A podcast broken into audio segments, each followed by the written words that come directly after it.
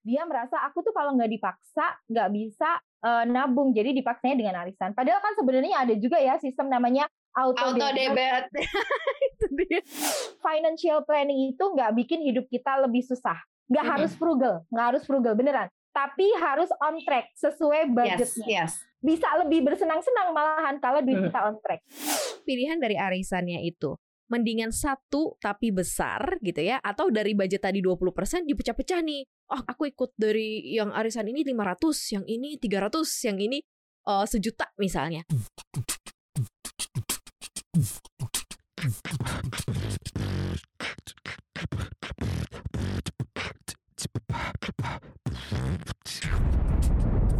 Cuap-cuap cuan. Hai Sobat Cuan, selamat datang di podcast Cuap-Cuap Cuan Kali ini di segmen interview bersama Maria Katarina Nah Sobat Cuan, apa kabar di kondisi dompetnya Sobat Cuan? Apakah cukup aman nih di awal-awal bulan? Ataukah mungkin sudah agak-agak menipis karena kebanyakan ikut arisan? Nah, kira-kira masih banyak gak sih Sobat Cuan yang ikut arisan?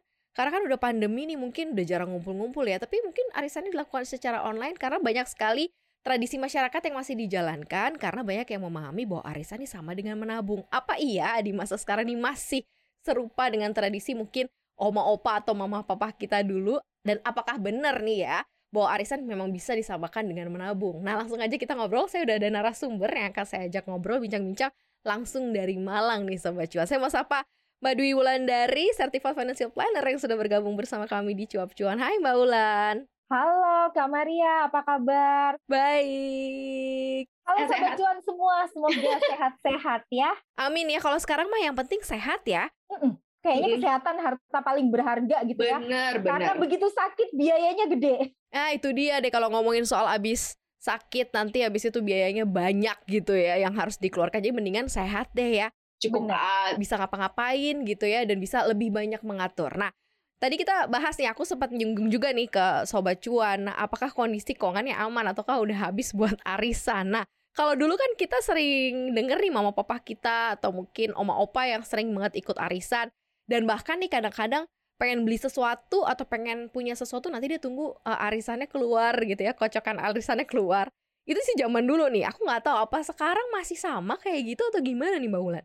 Uh, kalau aku sih melihat dari pengalaman klien gitu ya, ternyata masih banyak juga yang uh, pengeluarannya itu banyak yang untuk arisan.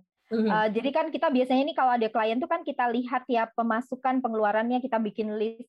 Nah mm-hmm. terus dia bilang nih, aduh mbak kebutuhanku itu banyak, nggak cukup bla bla bla segala macam. Tapi begitu kita lihat, ternyata salah satu komponen pengeluaran terbesar dia itu di arisan gitu. Hmm. Jadi lebih banyak di arisan komponen pengeluarannya ya. Ini dari sisi jumlahnya yang emang banyak. Kan ada macam-macam nih, ada yang satu kali ikut arisan mungkin sejuta, ada yang lima puluh ribu, ada yang seratus ribu ya, atau jumlah arisannya yang banyak yang diikutin. Bisa dua, bisa kayak gitu. Uh, jadi ada ada klien yang sifatnya memang dia suka bersosialisasi, ibaratnya gengnya banyak gitu ya, ikut mhm, mhm. arisan, dia grup dance lah, ikut arisan, ikut grup mama-mama, arisan, grup macam-macam, gitu ada juga yang memang dia punya prinsip gini aku tuh kalau nggak arisan nggak bisa nabung mbak. Jadi aku ikut arisan yang gede walau satu itu gede gitu. Mm. oh gitu. Ya jadi memang bisa dua sih bisa macam-macam memang ikut satu tapi yang gede. Itu memang uh, sempat aku lihat beberapa seperti itu.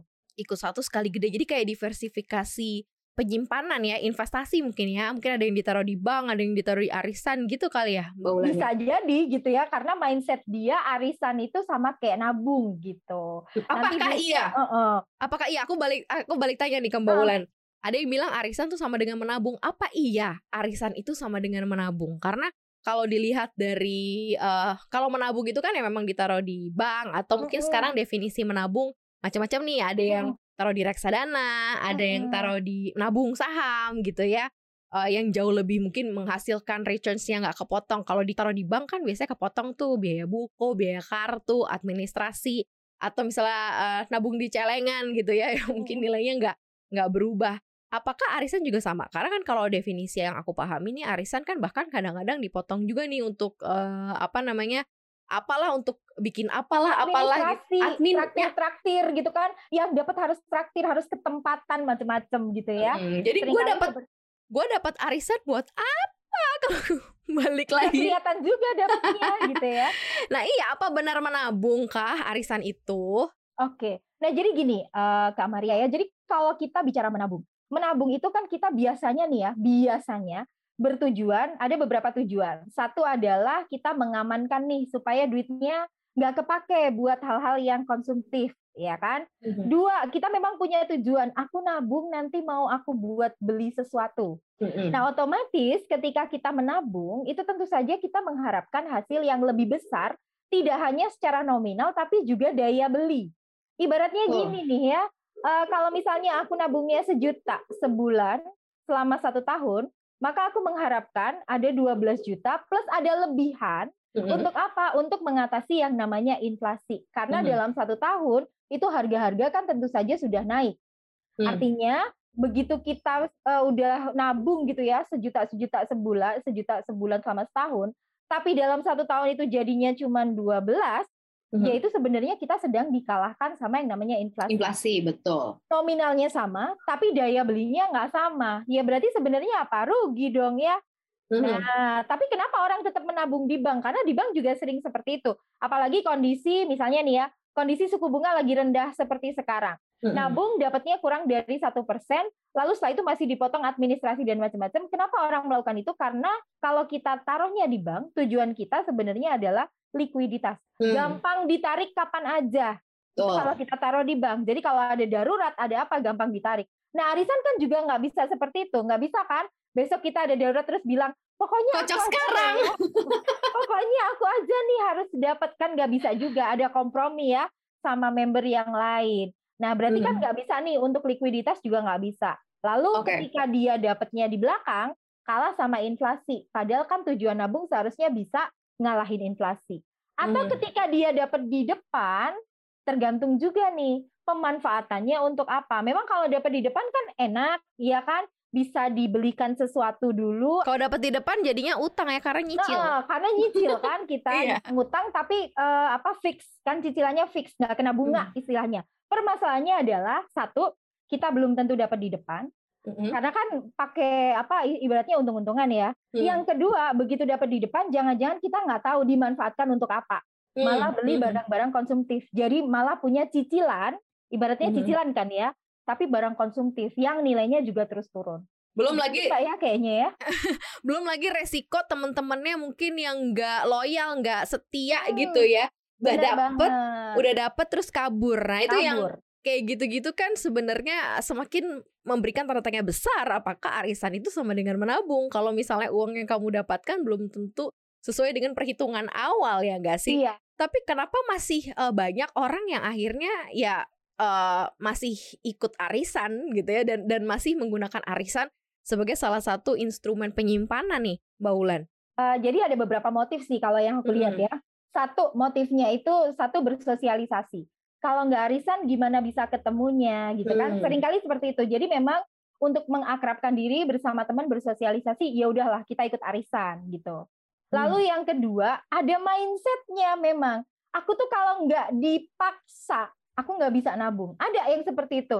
Nah Hmm. dia merasa kalau arisan itu kan dipaksa nih. Kalau arisan itu kan ya kalau nggak bayar kan sungkan gitu ya. Kalau nggak Mm-mm. bayar kan nanti jadi bahan gosipan teman. Ya udah tetap aja kita bayar. Nah akhirnya dia merasa aku tuh kalau nggak dipaksa nggak bisa eh, nabung. Jadi dipaksanya dengan arisan. Padahal kan sebenarnya ada juga ya sistem namanya auto, auto debit. debit Ada sih. Jadi memang eh, apa ya kadang kurang apa sih kurang update dengan eh, kemajuan aja. Sebenarnya adalah auto debit yang bisa maksa kita juga gitu.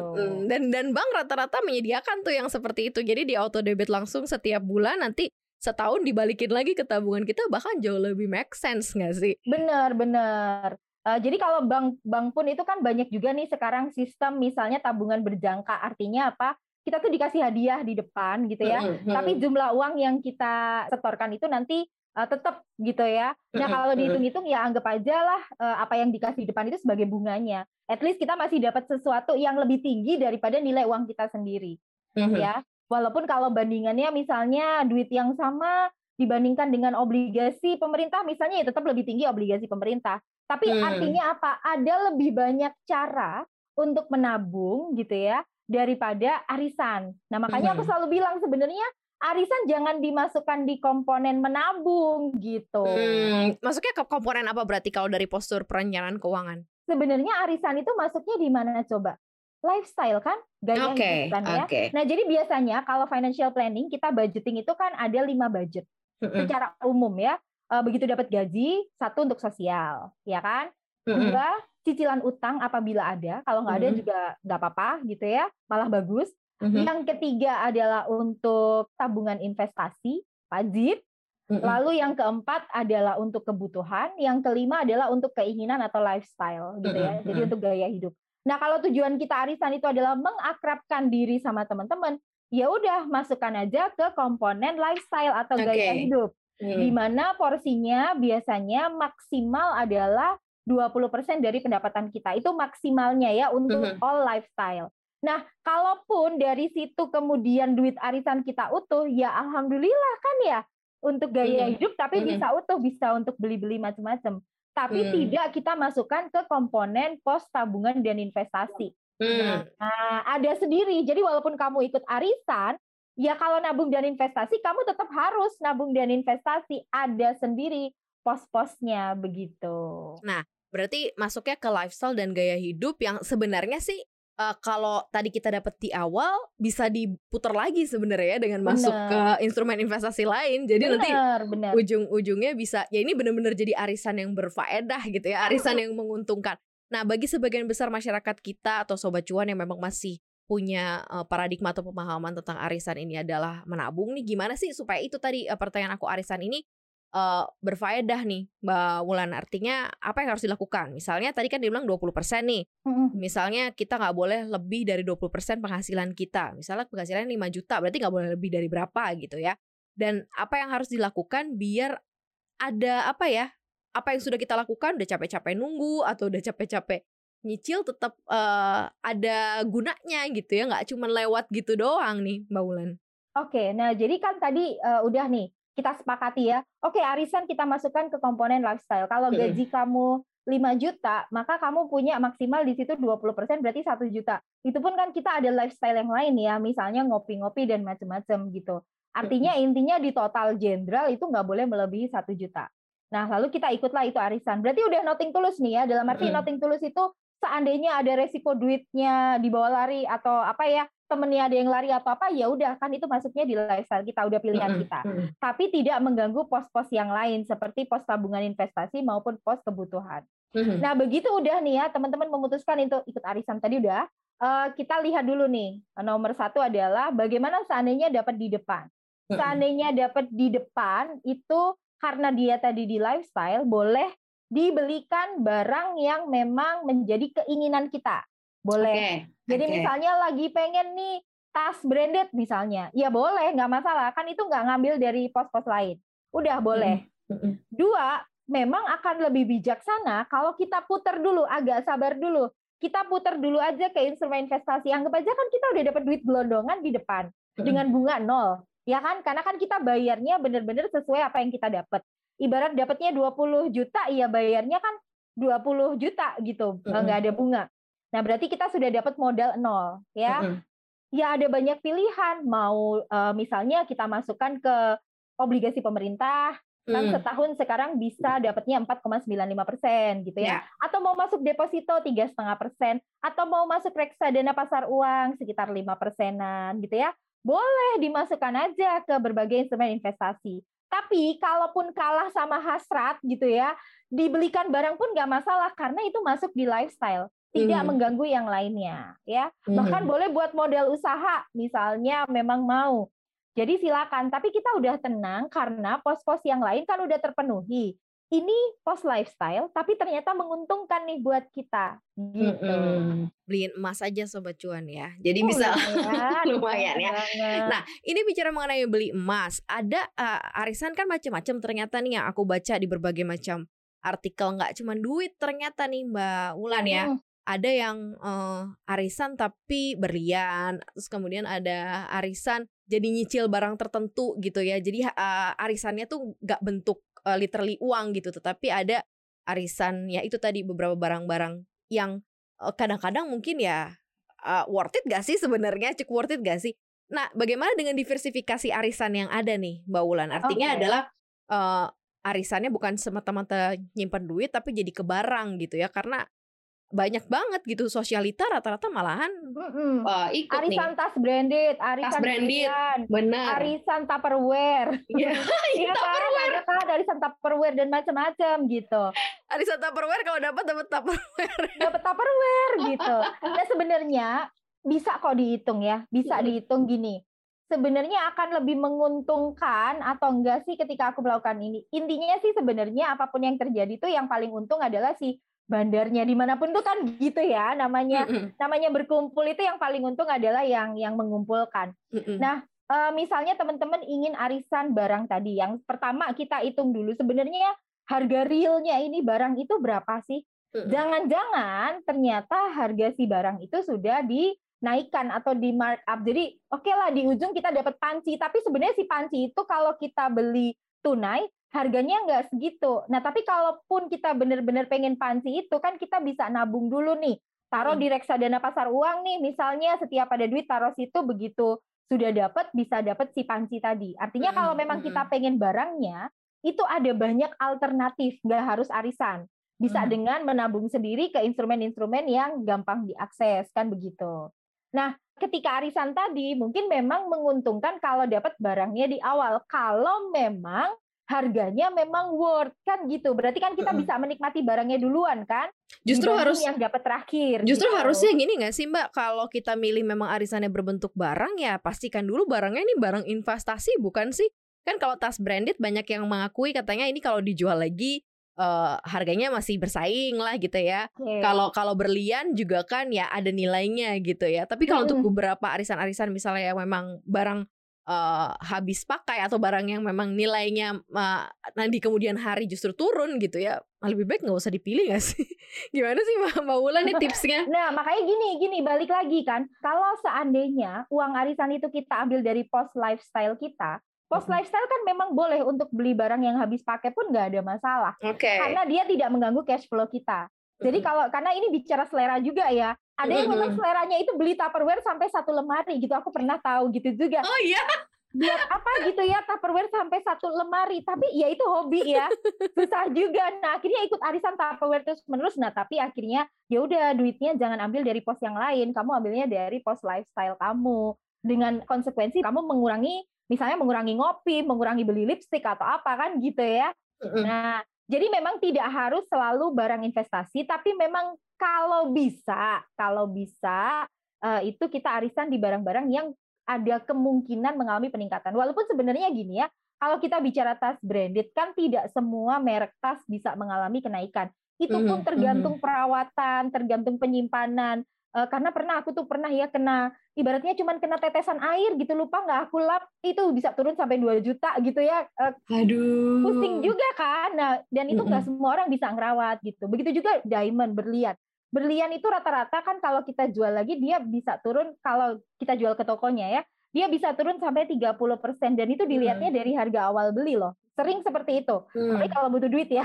Sering hmm. seperti itu, nggak dilihat dari harga saat ini misalnya enggak gitu. Kecuali kita jual sama temen. Dan itu pun harus ketemu komunitasnya. Sama kayak jual tas, jual berlian dan macam-macam harus nemu dulu komunitasnya. Jadi hmm. kalau dibilang investasi gitu ya, sebenarnya enggak. Kita cuma pengen hmm. aja, keinginan aja, lifestyle aja, tapi kita mencari justifikasi supaya boleh gitu ya. Oh boleh boleh kok ini investasi. Padahal enggak ya. Investasi itu definisinya kita uh, naruh duit kita ke dalam satu instrumen yang punya peluang lebih banyak untuk naik. Ya memang bisa rugi, tapi peluang untuk naiknya lebih banyak daripada turunnya. Ya, kalau investasi itu seperti itu. Nah, makanya nggak apa-apa sih mau uh, arisan tas, arisan diamond dan macam-macam selama budgetnya dari lifestyle. Karena kalau toh ada apa-apa yang lainnya juga nggak kena gitu ya, pos-pos lain nggak kena. Hmm. Nah, tapi kalau udah misalnya nih ya, gaji 5 juta buat arisan 3 juta itu udah engap banget kan ya kehidupan gitu. Wah, udah pusing kan. Nah, kalau ini jangan ya, kalau ini jangan walaupun tapi arisanku berlian kok. Iya, tapi kamu waktu butuh dia nggak liquid. Waktu butuh kamu harus jual dan harganya bisa jadi mengalami penurunan. Kalau untuk investasi enggak, tapi memang kamu pakai keren, tampil keren, menunjukkan status sosial, memang begitu. Nah, arisan itu sebaiknya gimana sih? Kan tadi kita udah sepakati budgetnya ada, diambilnya dari budget lifestyle. It's okay lah, uh, tidak selalu menguntungkan, tetapi peluangnya ada untuk uh, mendapatkan apa ya keuntungan lebih. Kalaupun tidak ya udah nggak apa-apa, atau ngambilnya kan dari budget lifestyle gitu ya. Nah, sekarang pilihan dari arisannya itu mendingan satu tapi besar gitu ya atau dari budget tadi 20% dipecah-pecah nih. Oh, aku ikut dari yang arisan ini 500, yang ini 300, yang ini uh, sejuta misalnya.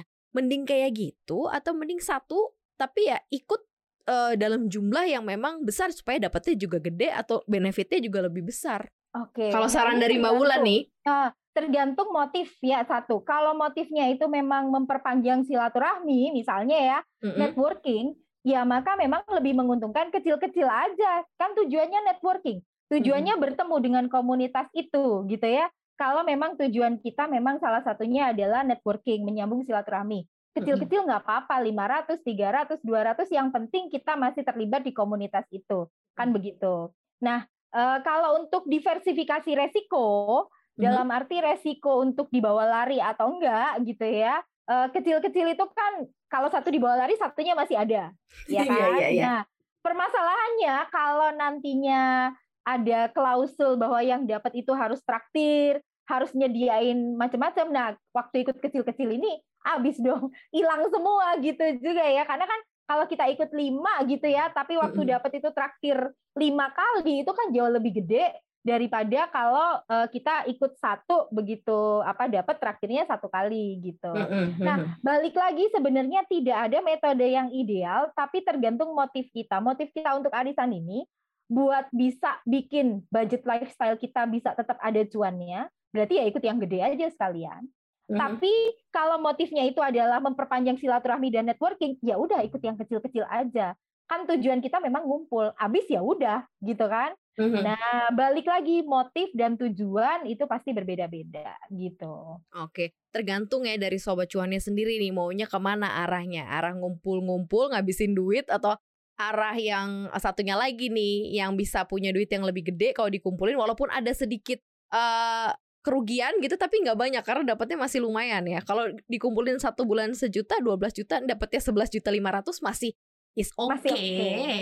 Masih nggak apa-apa gitu ya. Nah, uh, semakin berkembangnya uh, dunia seperti sekarang ini nih apa sih yang harus orang atau sobat cuan pahami kan sobat cuan kita yang muda-muda nih um, Wulan mungkin memahami uh, harus seperti apa sih sebenarnya uh, arisan ini gitu ya supaya tidak serta merta oh mau nabung oh ikut arisan aja gitu tetapi ada pemahaman yang lain yang sobat cuan bisa tahu dan bisa dapatkan mungkin kalau misalnya dibilang tadi koneksi uh, koneksi atau konektivitas dengan orang mungkin bisa juga dipilih nih orang-orangnya mungkin yang bisa dapetin uh, koneksi yang bisa menghasilkan cuan juga misalnya temen-temen yang bisa saling menguntungkan kan itu juga jadi double benefit ya kayak gimana nih mbak Bulan? Oke, nah jadi sebenarnya kalau generasi muda karena ini akan berkaitan sama financial planning ya. ya. Satu, kamu make sure uh, pendapatanmu lebih tinggi dari uh, pengeluaranmu dulu. Itu dulu sih sebenarnya ya basicnya. Satu make sure itu dulu. Oke, aku hitung dulu nih uh, pendapatanku berapa, lalu pengeluaranku berapa. Kalau memang minus, itu ada dua hal. Satu, tingkatkan dulu pendapatannya, cari side job atau kembangkan skill supaya bisa dapat cuan lebih banyak, mm-hmm. atau kurangi pengeluarannya. Nah, salah satu yang bisa dikat duluan kan memang arisan, karena masuk di lifestyle. Kalau mau mhm. kurangi pengeluaran yang harus dikat duluan lifestyle, mau mhm. nggak mau, karena kan kalau sosial ya kita ada ya sosial itu kan minimal dua setengah persen biar berkah ya, nggak bisa kita ambil juga uh, cicilan utang ya harus dibayar kalau enggak dikejar-kejar nanti debt collector gitu. Mm-hmm. Nabung investasi wajib, nggak boleh kita ketika nggak punya duit itu yang di skip nabung investasi jangan. Karena itu untuk mempersiapkan masa depan kita. Itu minimal 10% dari pendapatan. Kebutuhan bisa diotak-atik, dicari yang penting-penting aja, dihemat-hemat bisa. Tapi kalau mau delete langsung, memang kalau uh, pendapatan kita nggak mencukupi, ya lifestyle. Kalau arisan masuk di lifestyle itu delete duluan kalau nggak mencukupi. Nah makanya pastikan dulu pendapatan lebih tinggi daripada pengeluaran. Nah begitu udah punya mindset seperti itu, bikin budget ya, bikin mm-hmm. pos-posnya tadi. Karena kalau udah ada budgetnya, mau ini duit arisan jadinya cuman uh, apa Tupperware atau 12 jadi 11 setengah dan macam-macam tadi itu kita nggak merasa rugi karena memang sudah ada di budgetnya masing-masing. Nah nomor tiganya begitu udah bisa budgeting coba manajemen utang ya. Yes. Utang ini bahaya juga nih. Uh, manajemen utang itu teman-teman pastiin dulu. Kalaupun punya cicilan itu di bawah 30% dari pendapatan kita. Jadi jangan semua nyicil. Ya, nah agak ngeri juga kalau semua nyicil termasuk tadi misalnya ikut arisan dapat di depan kan kesannya kayak nyicil gitu ya. Waduh cicilan terus pusing ya tiap gaji cuman hidup dari gaji ke gaji. Nah, begitu udah ngerti baru langkah keempat udah punya belum dana darurat. Kalau belum fokus dulu deh konsen dulu ke situ. Nah, coba pengeluarannya sekarang kaliin. Kalau masih single bolehlah dikaliin tiga. Pengeluaran sekarang dikaliin tiga. Nah, itulah dana darurat yang harus kita punya. Ya, kita bisa taruh di bank, eh, nabung, ditaruh di reksadana pasar uang, ditaruh di deposito, ditaruh di emas.